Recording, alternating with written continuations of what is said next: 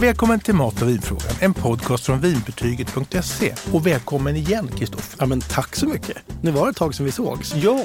Jag har varit i juluppehåll och allt möjligt. Mm. Har det hänt något på vinfronten sen vi såg sist?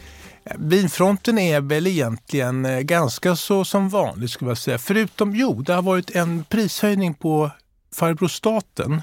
Mhm. Har gjort en skattehöjning på alla viner på Ja, det var Systembolaget. sjuttsiken. Ja, visst. Så alla viner, och det gäller väl öl och sprit också, men vi håller mest på med vin här Ja, i ja. podden och på vinbetyget. Jo, så är det så att de vinerna har gått upp generellt sett. Just det. Och det här var väl någon historia som jag tror man eh, var bestämt för länge sedan. Att Mm. årsskiftet så lägger man på en skatt. Men det är liksom inget man behöver gråta blod över. Du vet, de höjer priserna med kanske en, två kronor per flaska. Ja, men det är okej kanske. Ja, det, kan är någon procentsats där. Så dyrare viner blir väl lite dyrare och så vidare. Ja, men det tycker jag låter rimligt ändå. Mm. Och nu är vi snart färdiga med januari. Det är årets fattigaste månad. Eh, Julen har kostat och det är en lång månad. Men vad kan, vi, kan vi tipsa om något billigt vin då kanske? Ja, det väl smart. Eller något vi, annat. Ja, vi hoppar över årgångschampagnen, de här dyrare varianterna. Ja. idag. Ja, jag tror det. Ja, men vi skulle vilja titta på Portugal tror jag. Ja, Prisvärda Portugal. ja vad härligt. Mm. Och då har vi ett vitt och två röda. Och det är ju inte så lätt att hitta bra viner, men vi brukar ju gå på producenten. Och det här är två bra producenter vi ska presentera idag. Det låter ju utmärkt. Mm. Men varför är just Portugal så prisvärt? Jag tror vi har nämnt det tidigare. Om du tar de här stora giganterna, Mm. Frankrike och Italien, de är ju större än alla andra vinländer. Mm. Totalt dominerande i produktion och Mm. försäljning förstås. För de kan ju inte bara producera, måste, de måste ju köpa vinen också. Mm. Och de har någon slags kvalitet och aura kring sig som Mm. länder och vinländer. Mm. Och det innebär att de kan ta mer betalt än vad ett litet land som Portugal kan göra. Mm. Och Portugal är lite anonymare och har nu sista åren fått mer och mer uppmärksamhet för sina viner och hur man gör viner. Och man har liksom egna druvor som man kanske inte har i, i de andra Just vinländerna. det, just det. Så det här är jättespännande och Mm. framförallt så är det kul för att vi vill ju bara tipsa om bra viner. Ja, Det verkligen. finns ju ingen anledning för oss att prata om ett litet vinland, eller ett mindre vinland ska jag säga, bara för sakens skull, utan det, det är bra viner.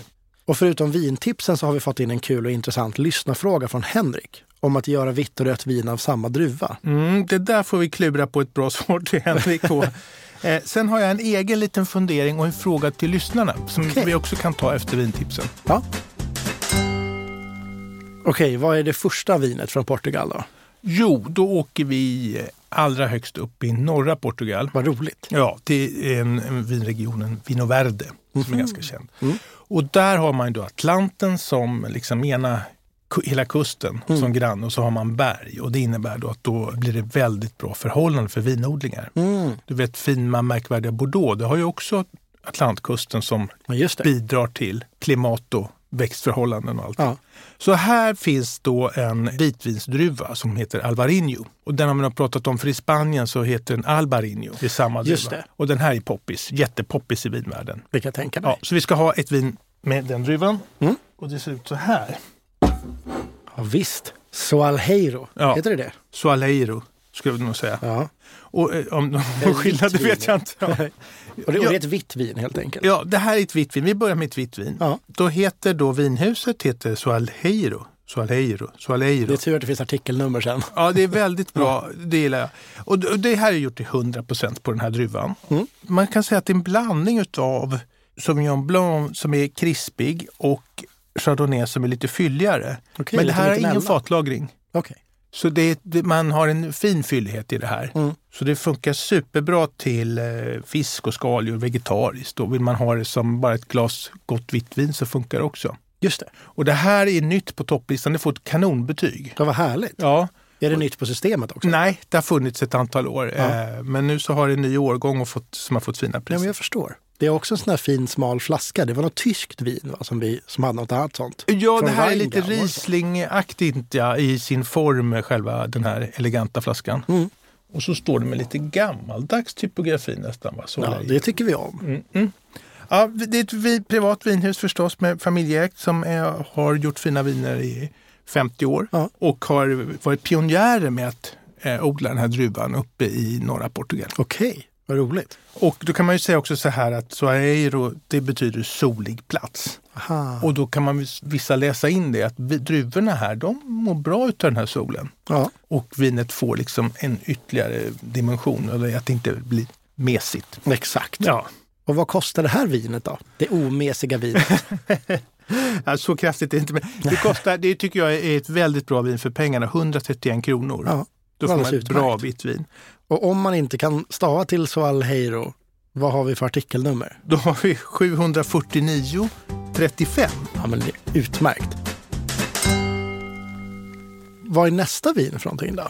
Ja, men då åker vi längre söderut, Ja. eh, lite söder om Lissabon, till Alentejo-regionen. Alentejo som är så trevligt. Ja, och där har vi ett vin som är både ekologiskt och hållbart val. Mhm. Mm, Och vi har som, det brukar vi inte ha i podden, det här är ju ett boxvin som ser ut så här.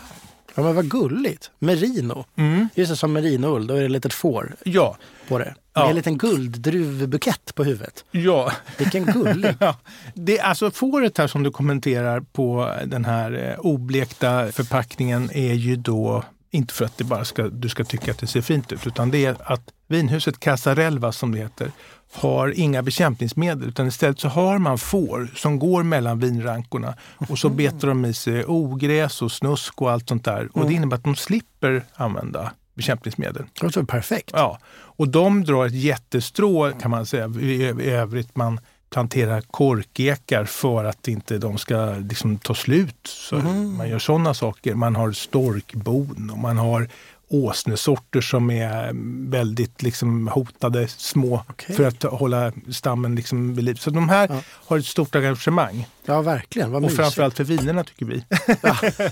Precis. Ja, men den här boxen är lite intressant för den är ju liksom, att den blir hållbart val av Systembolaget det är inte så konstigt. Det är oblekt papper Mm. och så har man tagit bort de här plasthandtagen. Så man fäller upp så här, Ja, pjup, ja. pjup, så får du ett, ett eget eh, papphandtag istället. Okej. Merino det är ju medelfylligt och det gör att det passar till lättare kötträtter, kyckling, kalkon, Mm. kanske en bra pasta eller pizza. En bra allround bag Ja visst, absolut det är det ju. Och vad kostar den här boxen då? Den är på två liter. Just det, de brukar vara på tre liter. Ja, annars. och det gör ju också att den ser lite trevligare ut tycker jag. Ja. Den är lite nättare. Ja. Den kostar 203 kronor. Och vad har den för nummer? Ja, det har ett bra nummer, 2289. Ja, men det är utmärkt. Ja. Så merino, ekologiska merino, det tr- tror jag kommer att bli en, en storsäljare i boxvärlden. Verkligen. Det är relativt nytt det här. Okej. Och om man vill ha en flaska rött?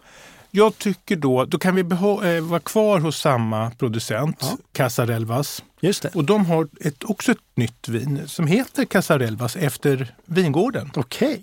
Och det här är ju supergott och vi provade det häromdagen hemma och då hade det stått dessutom, varit öppet en dag så drack vi halv, eh, lite en dag så lite en dag till. Okej. Och andra dagen var det ännu bättre. Jag tänkte komma till den detaljen och höra lite längre. Jag ser att den är tom den här flaskan. Ja, Jag förstår. ja. Det är ett bra betyg Ja, så kan det vara.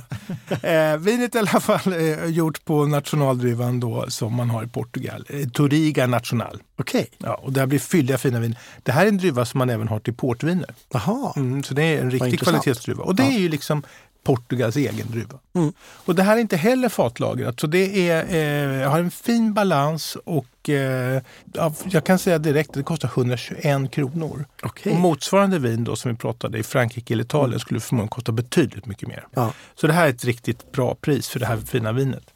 Och om man bara är intresserad av etiketten så är den jättefin den här flaskan också. Ja, den här slår ju det mesta skulle jag säga. Det är ju en slags eh, portugisisk mosaik, eller kakel heter det. Just det, det är kakel, det har rätt. Jag tycker det ser ut som en mandala på något sätt. Men det är, det är ett kakel. Ja, i, i blått och vitt med en liten röd plupp på. Ja, visst. Den här skulle nog kunna vinna något designpris. Ja, det tror jag verkligen. Mm. Vad har den för eh, artikelnummer? Jo, artikelnummer tycker vi om och det här är ju då 2809. Det är men enda man bör komma ihåg. Ja, Och vill man komma ihåg Casarelva så kan man göra det också. ja det är också väldigt sant. Mm. Bjussigt. Du pratar ju ofta om olika druvor i vinerna. Vad, kan inte du berätta lite om det? Att beskriva viner är ju svårt. Det handlar ju om smak som någon ska liksom ta till sig och Mm. få någon bild av. Och då är ju då druvan ger en vink om hur vinet smakar. Just det.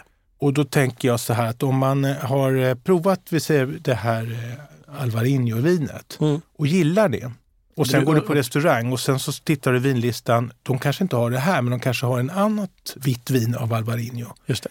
Sen är, är det ju så att alla viner av till exempel Albarino eller Viteiro säger och Pinot Noir smakar ju inte likadant. Mm. För det har att göra med var de har vuxit och hur vinerna är gjorda. Men det ger en fingervisning. Mm. Och du vet, det är väldigt olika hur franska och italienska viner, där skriver man inte alltid ut druvnamnet. Mhm. Och det tycker jag är, det, det är att göra lite svårt för sig. Det Ja, kräver ju verkligen. att liksom köparna vet att aha, i den här regionen använder man den här druvan. Mm. Men nya vinvärlden, Australien, USA, Sydafrika, de började skriva ut druvnamnen ganska stort. Chenin Blanc, Bang, liksom Ja, ja, ja. Det. Det tror jag är underlättar för konsumenten. Mm. Och det är en del som säger att jag gillar inte den typen av druvor. Mm. De vinerna, de går liksom bort. Men de här gillar jag däremot. Just det. Och då, så det är egentligen varför vi pratar här nu. Toriga National, det är ju då en rödvinsdruva som ger ganska medelfylliga, fina, det är inga lätta utan det här är liksom tyngre Mm. viner. Mm. Då har man en, en vägledning utav den. Alla vinhus vill ju sälja sina viner Mm. och gör ju allt för att liksom optimera det här. Ja. Förbättra lite här och där. Oavsett om det är etiketter eller om det är själva vinet eller vad det nu än är. Mm. Men det har visat sig då att om man skriver ut druvnamnet Mm. på etiketten så säljer det bättre än om man inte gör det. Mhm. Så jag tror ju att både Frankrike och Italien kommer ju att gå, att kanske flera kommer att gå att vara lite tydligare med det. Just det. För att om vi säger då Piemonte, Mm. Italiens fina vinregion i norr där man gör kraftiga röda viner. Och då skriver man ju ut eh, området, Just det. Barolo till exempel. Ja. Men druvan heter Nebbiolo. Och Just. Nebbiolo är en fin druva, så det skulle kunna få stå också tycker jag. Mhm. Men nu förväntar man sig att det ska alla veta att det är, att det är Nebbiolo i. Eller om du tar då till exempel röda viner från Bourgogne som är den märkvärdigaste vinregionen kanske för Pinot Noir-viner. Eller det är det. Det Ja. dyraste, världens dyraste viner kommer därifrån och de är gjorda av Pinot Noir. De skriver inte ut Pinot Noir, det ska du ju veta. Det står ju vinhuset Ja. eh, och så att, eh, det är ju det, det som är det viktiga. Mm. Så att jag tycker att hittar man ett vin, du är hos kompisar och det här var jättegott och så tittar du på det. Dels kan du komma ihåg namnet på vinet men du kan komma ihåg, aha det var en sån druva. Mm. Och då blir det en litet minnesmärke när Ja, man står verkligen. där på systemet. Det här gillar jag. Mm. De här av den druvan, där Just hittar jag mina viner. Ja. Så hade vi en fråga från Henrik Mm. som jag snackade om i början. Och han skriver så här. Hej! Tack för en mycket bra och lärorik podd. Tack så mycket Henrik. Varför görs det inte så mycket vitt vin från blåa druvor? Vet att en del används i champagne, men i övrigt är det inte så mycket vitt som görs av blå druvor. Varför inte? Sitter mycket av smaken från de blå druvorna i skalet eller är det på grund av tradition som så mycket annat? Eller är det någon annan anledning? Stort tack på förhand. Ja, Henrik, det här var ju en bra fråga. Det stämmer ju att man, man kan säga att oavsett om du har en blå druva med mörkt skal då, Mm. eller om du har en grön druva med ett liksom ljusare skal, så druvjuicen, druvsaften inuti, har ungefär samma färg. Så skalet kan påverka om vinet blir rött när det är med. Just det. Inte de gröna druvorna, de ger ju ingen färg, men de blå druvorna. Och då som Henrik är inne på här i champagne då, så där är ju Pinot Noir-druvan, den är ju godkänd för att göra champagne av. Mm. Och då pressar man den snabbt så att säga. Men skalen är inte med, för då skulle champagnen få färg. Just det. Så roséviner till exempel, där är skalet med en stund. Mm. Röda viner så är skalet med länge och då får det mer, finns det även då smak i skalen. Just det. Och färgämne då, ett jättestarkt färgämne som färgar vinet knallrött. Liksom. Mm. Det här är lite special med, med champagne. Eh, de kan ju ta betalt och allting. De kan odla, Pinot Noir är en svårodlad druva, kinkig, mesig druva. Eller mesig ska jag inte säga, men kinkig i alla fall. För dem lönar det sig att, att använda den i champagne. Men för en, en eh, vinproducent som har eh, Pinot Noir-druvor någon annanstans Mm. så är det lättare att sälja röda viner av Pinot Noir än om han gjorde vita. Just det. Han kan inte ta lika mycket betalt, marknad, det är inte lika många som efterfrågar det. Mm. Sen tror jag att om man tittar lite mer på hur smakar själva druvan. Mm. Om vi tar kraftiga blåa druvor, om man skulle tänka sig att man skulle försöka göra eh, rött av dem, eller vitt, vitt av dem, det blir mycket färg här. Eh, göra vi- vita viner av blå druvor, då är det så mycket smak i det i sig så det blir liksom inte ett vitt. Okej. Och då finns det gröna druvor som är utmärkta och ganska lätthanterade för vita viner. Mm. Så jag tror det är också en anledning. Men eh, det finns ju, sen är det här konstigt med roséchampagne. Eh, Alltså roséviner brukar göras av då blå druvor och så plupp på skalet vara med ett tag. Mm. Och roséviner kan göras av vilka blå druvor som helst i stort sett. Det vet man nästan aldrig vilka de är gjorda av. Okej, ja, men det är ju enklare viner faktiskt Ja, som regel. Någon gång så är det lite finare druvor och sådär. Men, men det är lite enklare. Men roséchampagne, och Mm. då finns det en regel. Att du får inte bara ta vitt och rött vin och blanda och så säga här, titta här är vårt rosévin. Nej. Utan du måste ha med skalet, den processen. Men inte i champagne som har tusen märkvärdiga regler och är supersträngt och allting. Där får man blanda. Ja, där får du dutta i lite rött för att få roséchampagne. Nu gör ju bättre champagnehus inte det. Utan de har Pinot Noir-druvan till exempel, som är med ett tag och så får den här. Så de gör det på riktigt. Mm. Men att det ens är tillåtet, det är en gåta. Men det är ingen stor sak, det är inget som gör mig sömnlös. Men det är typiskt champagne, man tar en shortcut där. Ja, verkligen. Det Fast man konstigt. är superfin samtidigt. Exakt. och så hade du en fundering också va? Ja, så här. Vi drack det här vinet hemma, eh, Casarelvas, och så tog vi två glas. Och sen så två dagar senare tog vi två glas till. Just det. Och då var det, hade det vuxit i smakrikedom. Det var som liksom hela orkestern var med. Alla instrumenten var med. Mm. Och första dagen var det inte riktigt. Det var några som inte var med. Några blås eller puk eller vad kan det vara. Men andra gången så var det wow. Och då undrar jag så här, man brukar ju säga att man ska lufta vinet. Ja. Kanske ett par timmar innan Mm. servering. Men då tänker jag så här att det här kanske ska vara längre tid. Det kanske ska vara och då undrar jag, är det flera, kära lyssnare, har ni hemma haft ett vin som eh, har stått ett par dagar och sen blivit ännu, ett rött vin som blivit ännu fylligare, härligare efter ett par dagar? Just det. Det är min fråga. Och eh, det här eh, gjorde vi även med ett annat vin som stod ett par dagar och det blev jättebra. Och jag tror ju att eh, röda viner, det är riskfritt det här. Det, det kan inte hända så mycket. Det första som händer när ett, ett vin tappar efter att det har varit öppnat, alltså för mycket luft egentligen, Mm. det är att vinet kan bli lite platt, inte så kul. Just det. Fast väntar man ännu längre, vi säger ett par månader, då börjar det gå åt vinägerhållet. Just det. Vinäger betyder ju gammalt vin. Ja. Men det är väldigt stickig doft, alltså det känner man direkt. Ja. Det är inget man vill dricka, så det är Nej. ingen svår fråga heller. Nej. Så jag tror att vi kanske skulle hitta ett sätt att öppna viner och låta dem stå lite. Eh, eller inte... Vi kanske ja. får undersöka den här saken. ja. Tillsammans med lyssnarna. Annars blir det mycket vin kära lyssnare, återkom gärna om ni har några eh, erfarenheter av det här med att låta vinet ha fått stå en eller två dagar och att det, och, i så fall om det blir bättre. Och helt öppet då. Det är skruvkork på just den här som ni drack. Ja. ju. Men, men har ni stått, låtit den stå öppet då? Eller är det bara luften i flaskan? alltså halva flaskan är tagen och då är det ganska mycket luft. det är, just det. Ja, Så det blir luft ändå, ja. Ja, Men om man har en kork, ploppar man i korken då? Eller stå, låter Ja. man den stå öppen? Ja. det tror jag. Så man vet spelreglerna här Ja. inför, Ja. Inför testet. Ja, sen, men jag är mer att jag tänkte att någon har själv har provat det här. Att Ja, här säkert. har jag ett par glas kvar. Jag Ja. provar det här. Det här vinet är kanon efter tre dagar till Ja. exempel. Ja. Det ska bli intressant. Ja, Är det likadant för unga och gamla viner? Det är främst röda unga viner som vinner på att luftas. Just det. Och de ska gärna vara lite kraftiga. Mm. Och då kan det hända mera med vinet Mm. än om det är ett lättare vin. Gamla jättefina årgångsviner, Mm. de rekommenderar man ju att när man öppnar dem så ska man servera dem ganska omedelbart. Mm. För annars så kan de liksom försvinna iväg i, Just det. Ja, och tappa. tycker det är intressant. Jag har alltid tänkt att det ska vara tvärtom. Att man behöver liksom lufta upp det där gamla vinet. Ja, men det är väl att det också har legat på sin flaska länge Ja. och är fär- drickfärdigt. ja. Så det kan inte hända så mycket mer. Nej, just det. Just det. Ja, då hoppas jag att Henrik har fått svar på sin fråga och jag hoppas att eh, de portugisiska vintipsen funkar bra. Verkligen. Det här ska jag definitivt testa. Jag vet inte om jag testade ett portugisiskt vin en gång. Nej, men kanske dags. Ja, verkligen. Ja. Kanske ska nämna också att i avsnitt 54 så har vi beskriver vi landet Portugal med maten och kulturen och vinerna. Vi har eh, Jonathan Falk som gäst som berättar om sitt fina petnatvin bland annat. Så det kan man lyssna på om man vill veta mer om eh, Portugal. Så Kristoffer, tack för idag. Ja, men tack själv. Och tack alla som har lyssnat. Verkligen. Vi Så hörs hörs vi snart. snart igen. Ja, hej då! Hej då! Har du frågor om mat och vin? Alla frågor är välkomna.